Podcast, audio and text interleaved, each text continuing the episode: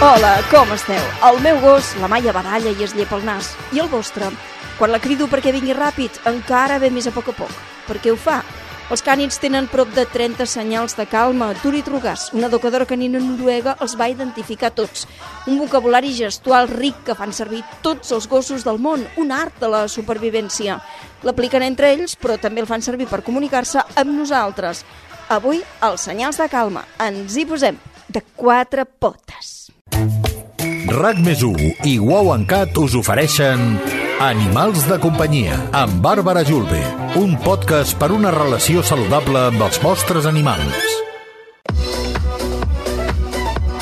Avui el conegut cardiòleg Ramon Brugada ens presentarà la Blaui, una gata d'ulls blaus. Viatjarem fins a l'Índia o la Serra de Culebra, anirem a un mar en calma i entrarem en una cova d'aigua. El so que desprenen aquests escenaris es coneix com la sonoteràpia. N'hi ha per les afeccions urinàries, per la pell o pel sistema cardiovascular. Eva Julián és una experta en la matèria. I a l'Hospital Veterinari de Catalunya parlarem amb Joan Rovira, veterinari i cap d'etologia. Ell ens explicarà com es comuniquen els animals quan els falta una part del cos o els hi han amputat Micheta! Micheta! Vine, vine. Bàrbara, per, perdona, eh? eh? Què, què, què fas? Òscar, és que saps sí. què m'ha passat? Que he perdut la Blaui, la gateta del doctor Brugada, el cardiòleg, que m'ha dit que li guardés un moment per anar a parlar amb el director no sé què i se m'ha escapat. Home, però aquí a dins de l'estudi, tu creus que...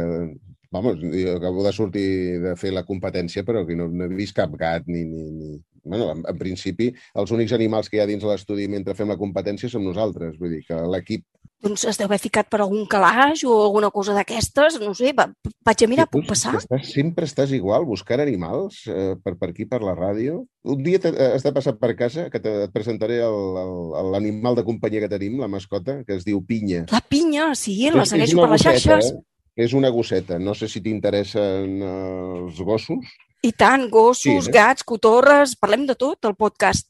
Clar, clar, clar. Doncs eh, te la presentaré. És una canitx molt ben creguda i, eh, bueno, de fet, tu que tens especialistes en la matèria i etòlegs, i eh, no, no tindràs pas avui alguna educadora canina? Sí, tenim precisament una educadora canina i també un, un veterinari. Tens alguna pregunta?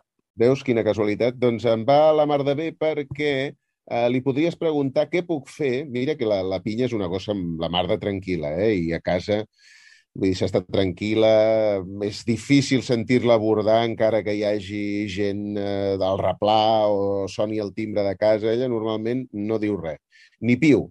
Però eh, quan pugem al cotxe, eh, amb tota la família, i ella també s'angoixa molt i comença a gemegar i eh, fa allò, bueno, s'angoixa, treu la llengua, allò que passa de vegades eh, quan algú tira un petard, que la veus intranquil·la, i, i no sé, no, no, no sabem què fer per, per calmar-la abans del que s'acostuma a calmar, perquè potser s'hi pot tirar així un quart d'hora, 20 minuts.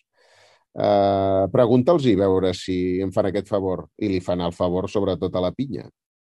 Doncs li dic a l'educadora canina a veure què diu, què podem fer per tranquil·litzar a la pinya. Vale? Doncs us ho agrairem, jo i ella. Doncs vinga, escolta el podcast. Perfecte, una abraçada. Uf! Els vostres peluts es mereixen la millor alimentació, per això us recomanem Cat. Des de la seva cuina, situada a les franqueses del Vallès, preparen una àmplia gamma de receptes analitzades per veterinaris, biòlegs i nutricionistes. Carn, peix, fruita i verdura, un plat diferent cada dia perquè els vostres cats i gossos segueixin una dieta sana i equilibrada. També tenen snacks naturals. Trobareu tota la informació a guauancat.com. Papa! Realment entenem els senyals que ens fan els gossos, els especialistes alerten que si fallem en la interpretació dels senyals de calma que l'animal utilitza per comunicar-se amb altres de la seva espècie o amb nosaltres mateixos, correm el risc de causar-li molts problemes. Ens acompanya per parlar-ne Marta Calcerrada, educadora canina de Rumbo Canino. Marta, què tal? Benvinguda. Hola, moltíssimes gràcies per, per haver-me, per comptar amb mi. Que guai. Marta, comencem parlant de la pinya. Ens explicava l'Òscar que és una gosseta molt tranquil·la, però que quan puja el cotxe s'atabala molt i gemega i tremola. Triga a calmar-se. Què podem fer per tranquil·litzar-la? No sé si això també són senyals que, que ella emet. Clar, el primer que hauríem de fer és veure quines senyals està emetent la pinya, ja no, ja no només dins el cotxe, quines venen prèvia a pujar al cotxe? I sobretot entendre per què, d'on ha vingut això, és a dir, si ha vingut per un tema de vòmits, nàusees, marejos, etc i això li ha produït un estat d'ansietat o de por al cotxe i també treballar-ho, és a dir, entrant, entendre que probablement l'animal, el context, m'acosto al cotxe, ja té problemes per gestionar-ho i que, a més a més, li podem donar algun tipus de, de, de medicació antiemètica, és a dir, per les nàusees, per ajudar a estar més tranquil·la en el cotxe mentre fem tota la part de, de sensibilització contra condicionament, és a dir, d'ajudar-la a perdre-li la por al context del cotxe i molt progressivament que vagi podent pujar, podent estar tranquil·la dins el cotxe, podent arrencar a poc a poc, etc etc etc. Marta, si no entenem un gos que està matent senyals, eh, quin greuge li podem estar causant? Doncs al final el que pot estar passant t'ho posaré en un exemple humà, que crec que acabarem abans, no? I també ens entendrem molt millor. Imagina't que tu i jo estem sopant, Bàrbara, i, i, i comencem a discutir. I jo dic, mira, anem a acabar la conversa aquí, no? Jo t'ho dic tranquil·lament, i em dius, no, i segueixes parlant. I jo dic, ei, de debò, para el carro, me'n vaig, no? I me'n vaig. I vens darrere meu. I em segueixes pressionant. I et, al final, o et crido, o si segueixes és possible que t'empenyi o reaccioni de manera més agressiva. Al final, en els gossos passa el mateix. Ells emeten senyals i si el receptor no ho entén, al final emetran senyals més visual, més visibles per fer-se entendre i per aconseguir el resultat que necessiten. Llavors, al final, és això, és, és un procés gradual. Per tant, hi ha com una, com una graduació de senyals. Eh, Posa'ns exemples de quins són els eh, més primaris i després uns, no?, de que siguin ja més reactius. Doncs mira, per exemple, en quant a l'agressivitat, per exemple, per por, no? Hi ha diferents tipus d'agressivitat, però la, la típica, l'agressivitat la, per por, comencem amb, per exemple, tancar, um, apretar la, arrugar el front, uh, entre tancar els ulls, mirar de reull, aixecar una miqueta el nas, uh, tirar enrere la, els llavis, o inclús deixar veure totes les dents, no? Um, tirar enrere les orelles, mirar de reull, llavors tenim el moment me'n vaig, el moment em puc quedar paralitzat, la cua normalment cap avall, um, tensió corporal tota sencera. I després ja, si no hi ha manera i no puc marxar, probablement vinguin els grunyits, vinguin els lladrucs, vinguin el, en planto davant teu, marxa, o inclús marcar, mossegar, però tot amb l'ànim de marxa, perquè en el moment en què tu marxis jo em tranquil·litzo. No? Llavors, l'animal arribarà fins on li funcioni. Parlaves de la cua? Sempre que remenen la cua és perquè estan contents? No, perquè hi ha mil gossos, o sigui, hi ha mil tipus de gossos i realment eh, remenen la cua pot ser per tensió, hi ha diferents tipus de moure la cua, no? I hi ha molts tipus de raça que tenen la configuració de l'anatomia la, de, de la cua molt diferent. Llavors, pot ser tensió, pot ser excitació, pot ser content, pot ser inclús... Hi ha gossos que estan reaccionant agressivament i la cua la tenen tensa, però movent-se una mica. O sigui, hi ha mil tipus de comunicació a nivell de, corporal. Hi ha tot un seguit de senyals de comunicació, però uns concretament que fan referència a un crit de calma, no? Tot entra dins de comunicació, al final tots són patrons comunicatius i diguéssim que la Turit Rugas el que va fer unes senyals de calma és fer un compendi per dir els gossos emeten aquest tipus de senyals voluntàries o involuntàries per dir, eh, tranquil·litzem-nos, estic agobiat per al carro. ¿vale? Hi ha estudis que diuen que tenen intencionalitat de, de calmar a l'altre individu i hi ha estudis que diuen que no, que la intencionalitat simplement és expressar la seva incomoditat, no? Però tot això entra dins de la comunicació, clar al final sí. Doncs Marta Calcerrada, educadora canina de Rumbo Canino, moltíssimes gràcies per parlar-nos avui dels senyals i de la seva importància, siguin o no, de calma. Moltíssimes gràcies a tu, Bàrbara, i a vosaltres per, per estar per aquí. No tots els gossos tenen cua i no tots tenen la llengua sencera. Per algun motiu o altre, sí, per qüestions mèdiques o per altres temes, hi ha animals que els han amputat una part del cos com els afecta això en la comunicació. Avui tenim amb nosaltres Joan Rubiralta, veterinari i cap d'etologia de l'Hospital Veterinari de Catalunya. Joan, què tal? Benvingut, com estàs? Molt bé. Joan, eh, comencem parlant d'aquest tipus de, de problemes, no? Un gos que no té cua, eh, com li afecta això en la comunicació? Bé, en principi, el tema comunicatiu entre animals eh, es realitza de diverses maneres. Què vol dir? Que no només hi ha una manera de que ells es puguin comunicar.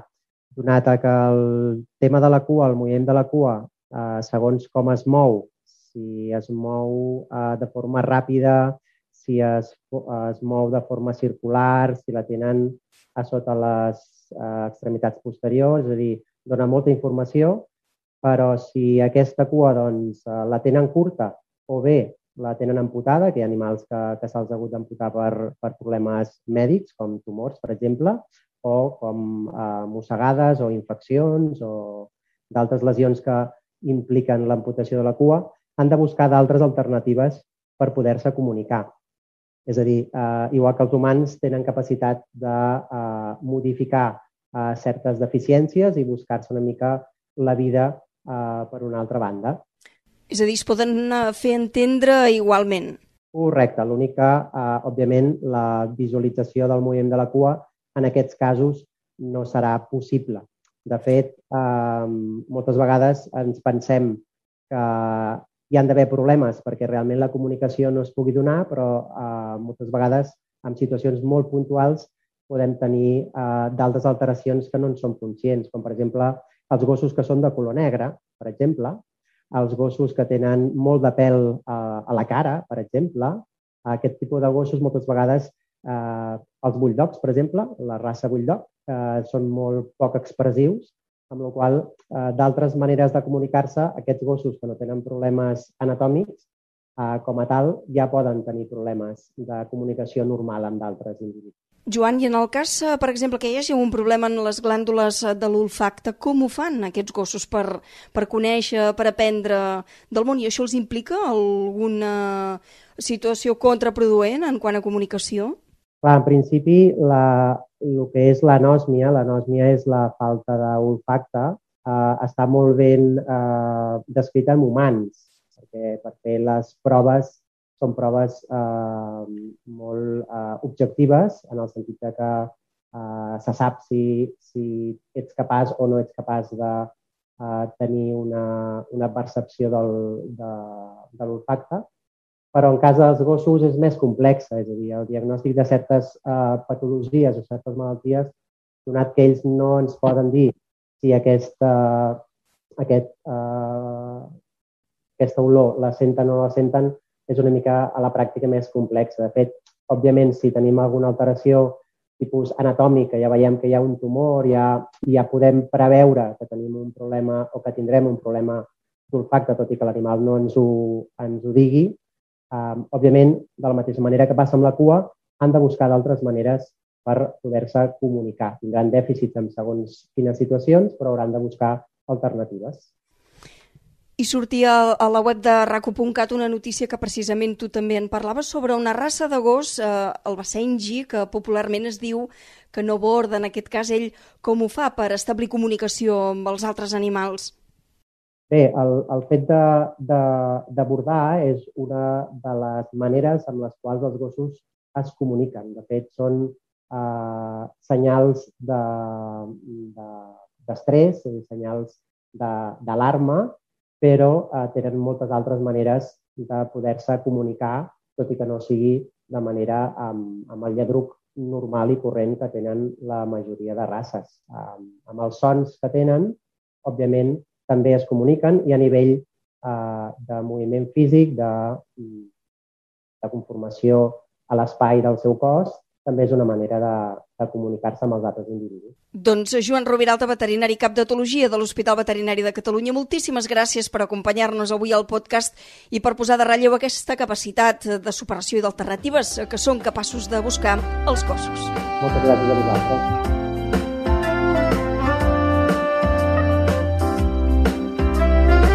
Us imagineu un matí a la Serra de Culebra, Zamora, o un capvespre a la Taiga, al Canadà. Sentiríem el so dels ocells i el donar aigua que corre riu avall. És la bioacústica terapèutica més coneguda com la sonoteràpia. Els animals també reben, a part de les persones, tots els seus beneficis, que ha recorregut molts d'aquests racons i fa més de 20 anys que estudia i intenta comprendre el llenguatge dels ecosistemes i la seva incidència en les emocions, en la salut i el benestar, és Eva Julián, creadora de Sound and Life. Eva, què tal? Benvinguda. Hola, Bàrbara. Gràcies per convidar-me. Aquest silenci de 3 segons, Eva, està fet expressament, eh, més que res per, per dir no, que el so i el silenci ens diuen moltíssimes coses. Sí, el so i el silenci es, estan junts i són el, llenguatge de la vida. Tu has recorregut mars i muntanyes no, per captar el so. A quines aplicacions té la sonoteràpia en veterinària? Bueno, els animals són super reactius al so natural. Els sons naturals de la Terra és, un, és, és algo vital per ells. Eh, I pots observar com a nivell, a, a nivell orgànic i a nivell emocional la resposta és molt, molt ràpida. És algo així com l'animal necessita un entorn natural i el so li, quan és real, li aporta l'energia que la mateixa terra aporta als, al, a la vida i als animals a través del so. D'alguna manera es transporta no? en aquest lloc i, i et, et fa transmetre aquestes vivències. bueno, no és que sigui o, vivències, és que biològicament és imprescindible. La Terra i els ecosistemes estan canviant de so cada dècima de, de, de segon hi ha una modulació. I aquestes modulacions intervenen directament amb tots els processos biològics. I, i és imprescindible. I com has trobat tu aquesta relació entre el so i el per què funciona? Per exemple, si un gat té por, doncs eh, quins sons podria recomanar, no? I, però concreta'ns això, aquesta relació, d'on surt? Surt d'una exploració personal. Vaig començar fa 23 anys amb un procés personal mm, i em vaig començar a donar compte de que quan anava a, als indrets naturals hi havia una resposta diferent, depèn com estava. Llavors vaig començar a gravar, vaig començar a mesurar i, i vaig, vaig passar molts anys fent mesures amb mapes en tres dimensions, anàlisis de freqüències i com una freqüència afecta una emoció o com amb un òrgan, etc. Llavors et dones compte que és que els ecosistemes això ho donen fet. És a dir, estan emitint constantment per produir equilibri. I amb respecte a la por, el que estaves comentant, doncs eh, estem utilitzant un so treballa específicament sobre les situacions de por. I utilitzem pues, eh, quan els animals viatgen, quan tens, tens que, que canviar-los de, de casa, quan entren al veterinari, abans d'una intervenció. I la resposta és una reducció molt ràpida de... Bueno, és com un canvi de consciència, canvien, canvien d'estat. Mira, precisament per la gosseta de l'Òscar Dalmau, quin és el so que li recomanaries? bueno, com has comentat que quan puja al cotxe té molta por, doncs utilitzaria un so que li he anomenat Alto do Cebreiro, que és el Beaz 05, i és una, un, un so que inclús la Chrysler ens ha demanat una llicència de dos anys per mm, introduir-lo als seus cotxes nous, no? per, per les mascotes, precisament. Doncs endavant, aviam, posa'ns-el. Així, són així.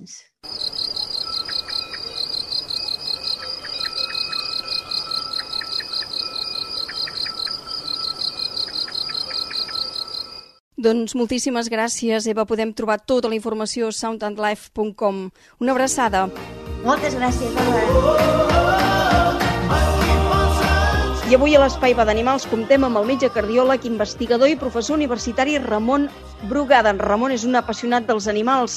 Actualment té a casa una gata d'ulls blaus a qui li encanta posar-se cada dia una llarga estona a la seva falda quan llegeix el sofà. D'on li ve aquest felí el lligam tan intens amb el seu responsable? Ens ho explica el mateix cardiòleg. Ramon, benvingut. Com estàs? Molt bé, gràcies. Gràcies per tenir-me li encanta no? a, a, la Blau i seure's a, a, al sofà amb tu, eh? aquests moments d'intimitat. Sí, això li ve de petita, que la teníem sempre a la falda quan la vam, la vam eh, adoptar. Era un gat, una gata de carrer i eh, la vam adoptar i sempre s'asseia a la falda i vaja, cada dia, és que és, és, és un constant, se'ns asseu a la falda eh, constantment, sí, sí. Com va aparèixer la, a la vostra vida aquesta gateta? Quina edat tenia? poques setmanes. Era un gat de, una gata de carrer que havia quedat arraconada per un gos, amb un gratge, i la veïna ens el va portar a casa. Havíem tingut eh, altres animals a casa, altres gats. Quan havíem vingut de Canadà havíem portat també la gata i un lloro, se'ns se se van morir i després en aquell moment, doncs ara fa uns 10-11 anys, doncs, eh, ens van portar aquesta gata, però tenia mesos, eh, a setmanes li donàvem de menjar amb biberon. Imagina't, a tu t'agraden molt eh, els animals, Ramon, fa anys fins i tot criaves periquitos.